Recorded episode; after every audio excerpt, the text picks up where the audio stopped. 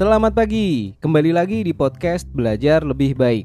Episode kali ini tanggal 21 Oktober dengan saya Wahyu, teman ngopi Anda. Kali ini kita akan bahas yang berhubungan dengan hal yang lagi ramai di media yaitu pinjol. Kita akan bahas tentang bagaimana mencegah terlilit pinjol dengan budaya menabung. Pasti teman-teman masih ingat, waktu kecil dulu kita diajari untuk menabung. Pakai celengan, ada yang dari keramik, ada yang kaleng, plastik, bambu, bentuknya macam-macam ya.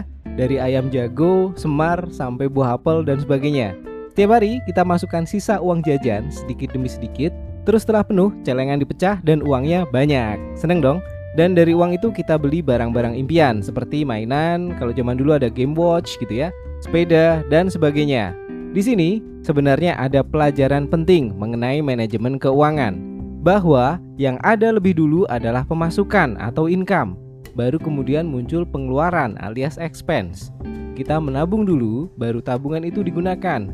Kita menahan diri dan berhemat untuk kemudian bisa membeli sesuatu yang sebelumnya tidak terjangkau.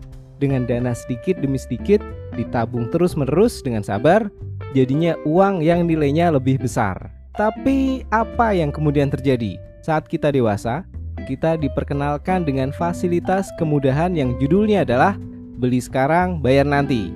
Kita dimanjakan dengan yang dapatnya duluan, cicilnya belakangan. Di iklan, media, udah kayak brainwash aja. Apa pengaruhnya? Double impact, pukulan berganda. Pertama, kita jadi terlalu gampang memutuskan beli sesuatu yang sebenarnya belum atau tidak dibutuhkan kita jadi konsumtif. Coba cek deh, ada berapa banyak barang yang setelah dibeli ternyata malah jarang dipakai atau tidak dimaksimalkan penggunaan fiturnya karena memang sebenarnya belum perlu. Kemudian yang kedua, pengeluaran ini jadi semakin memberatkan karena nilai bunga atau uang jasa yang juga harus dibayar. Kemudahan pembelian tadi sering kali tanpa kita sadari dibayar dengan mahal. Selisih cicilan dan nilai aslinya ini bedanya jauh. Coba cek deh brosur cicilan kendaraan atau alat elektronik. Hitung totalnya dan berapa selisihnya dengan harga aslinya. Terus selisih itu masuk mana ya? Ya simple. Lembaga yang ngasih pinjaman itu sampai punya gedung besar, iklan di mana-mana.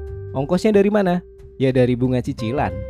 Dan dari double impact ini, yaitu belanja yang nggak perlu dan kena ongkos bunga, Seringkali kita dengar ada cerita temen atau relasi yang cash flow hariannya jadi mepet. Uang bulanan gak cukup lagi untuk kebutuhan karena mesti dipakai untuk membayar cicilan ditambah ini nih, bunga. Sekarang coba Anda cek deh, berapa rupiah income yang dimakan oleh bunga cicilan kartu kredit dan jasa semacam pay letter. Berapa rupiah yang dimakan bunga pinjaman kantor dan koperasi? Berapa rupiah yang dimakan bunga kredit kendaraan bermotor? Banyak loh. Terus dalam kondisi seperti ini, gimana kalau misal butuh dana segar? Nah, di sini jebakan Batman-nya muncul. Cash flow yang mepet mendorong orang untuk mencari pinjaman dari rentenir dan pinjol karena syaratnya gampang banget. Gak pakai agunan, cuman foto selfie, upload identitas, info nomor rekening, sudah bisa cair. Tapi apa yang terjadi sebulan kemudian? Uang bulanan tambah nggak cukup. Cicilan dan bunga pinjol ternyata sadis. Apa yang terjadi kemudian? Gali lubang, tutup lubang, banyak yang nekat nambah pinjaman lain untuk nutup yang sekarang. Muter gitu aja terus, kayak lingkaran setan. Dan tambah lama, lubangnya tambah dalam. Oke, kembali ke menabung. Kita bisa mencoba mencegah lilitan pinjol dengan cash flow yang sehat. Dan cash flow yang sehat bisa dicapai salah satunya dengan cara menabung. Perlu handphone baru? Nabunglah.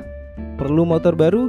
Nabung kulkas baru, TV baru, meja kursi baru, nabung. Terus kalau tiba-tiba ada keperluan mendesak, ya buat tabungan dana darurat. Atau kalau misal belum ada ya pakai dana tabungan tadi yang mau buat beli handphone baru, motor baru dan sebagainya, dipakai dulu. Jangan utang dulu. Simpel kan? Emang sih ngomongnya gampang, tapi prakteknya ya pakai bahasa yang gampang, jalanin aja dulu. Kalau cocok ya seriusin gitu. Ingat, dengan cash flow yang sehat, hidup lebih tenang. Ya, mungkin ada aja sih yang komentar misal HP-nya butut amat bos Atau mungkin motornya nggak ganti-ganti dari dulu Atau mungkin outfit lo itu lagi itu lagi sis gitu ya Biarin aja tutup kuping Bukan mereka yang bayarin Nah terus gimana kalau yang sudah terlanjur terlilit pinjol? Hmm, saya nggak bisa ngasih solusi, apalagi ngasih duit. Anda sendirilah solusinya. Kalau secara umum, ya, berhenti menggali lubang lebih dalam. Oke, kemudian jual aset yang bisa dikorbankan untuk menutup hutang. Dan cari pemasukan tambahan dan minimalkan pengeluaran. Oke, itu saja dulu untuk kali ini. Ayo nabung biar cash flow-nya sehat, hidup lebih tenang. Stay safe, tetap semangat. Sampai ketemu di episode berikutnya.